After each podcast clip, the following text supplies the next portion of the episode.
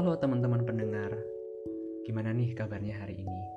Semoga selalu sehat, selalu bahagia, dan jangan lupa untuk selalu mematuhi protokol kesehatan pencegahan virus corona.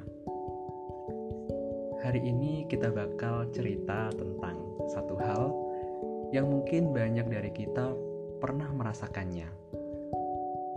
Well, bahasan kita hari ini sesuai yang udah teman-teman pendengar lihat di judul adalah tentang insecure. Siapa sih yang nggak tahu apa itu insecure? Siapa sih yang nggak pernah ngerasa insecure? Aku yakin semua dari kita pasti pernah merasa insecure. Bahkan aku pun sering banget ngerasa insecure. So ya, yeah. insecure adalah perasaan atau kondisi di mana kita ngerasa nggak nyaman ketika berada di zona-zona tertentu. Contohnya adalah cerita temenku yang bakal aku ceritain ini. Tapi, disclaimer, kalau aku udah dapet persetujuan dari temenku buat ngebagiin cerita dia ke teman-teman pendengar.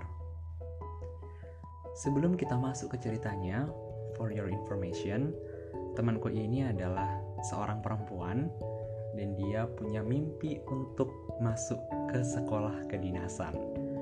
Wah, sekolah kedinasan nih. Sekolah impian banyak orang. Temanku ini adalah sosok orang yang gigih, bekerja keras, dan tidak mudah menyerah.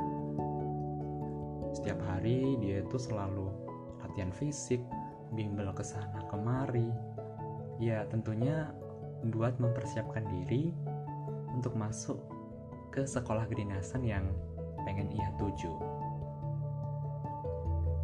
Singkat cerita, kemudian tibalah hari di mana dia harus menjalani tes. Pertama adalah tes akademik. Di tes akademik ini, dia bisa tuh sapu bersih dan mengeksekusi soal-soalnya dengan cukup mudah dengan baik. Kemudian masuklah dia ke tes fisik.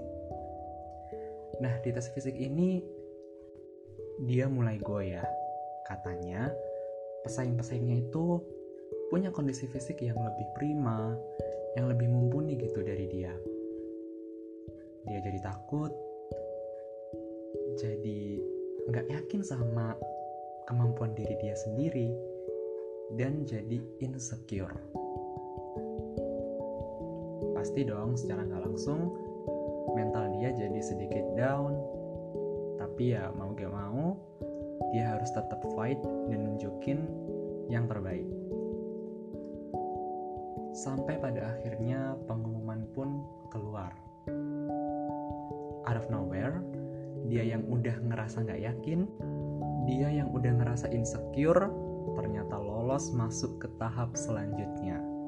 Bahkan hari ini dia udah bahagia berproses di sekolah kedinasan yang dia cita-citakan.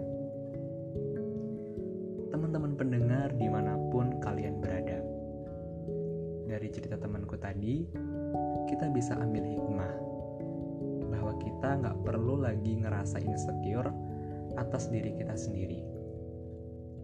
Kita harus yakin kalau kita bisa insecure boleh-boleh aja. Karena emang insecure adalah tanda kalau kita hebat. Hebat apa? Hebat untuk memiliki tekad yang kuat. Hebat untuk jadi lebih baik. Hebat untuk melampaui batas diri kita sendiri.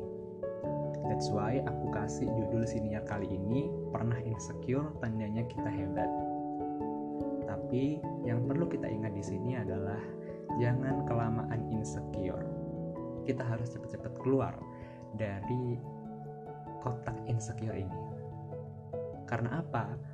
Karena kalau kita terus-terusan ngerasa insecure, semua energi positif yang ada dalam diri kita perlahan akan digantikan sama energi-energi negatif yang pada akhirnya menghalangi diri kita untuk berprogres jauh ke depan. Stop ngebandingin diri sendiri dengan orang lain mau orang lain ngelakuin ini ngelakuin itu atau mereka punya ini punya itu biarin aja kita hanya perlu fokus untuk menatap ke depan berupaya dengan jauh lebih keras agar esok hari kita bisa jadi lebih baik dari diri kita hari ini dengan cara kita sendiri. Akhirnya, sampai di sini, stop insecure, stop ngebandingin diri dengan orang lain. Sampai jumpa.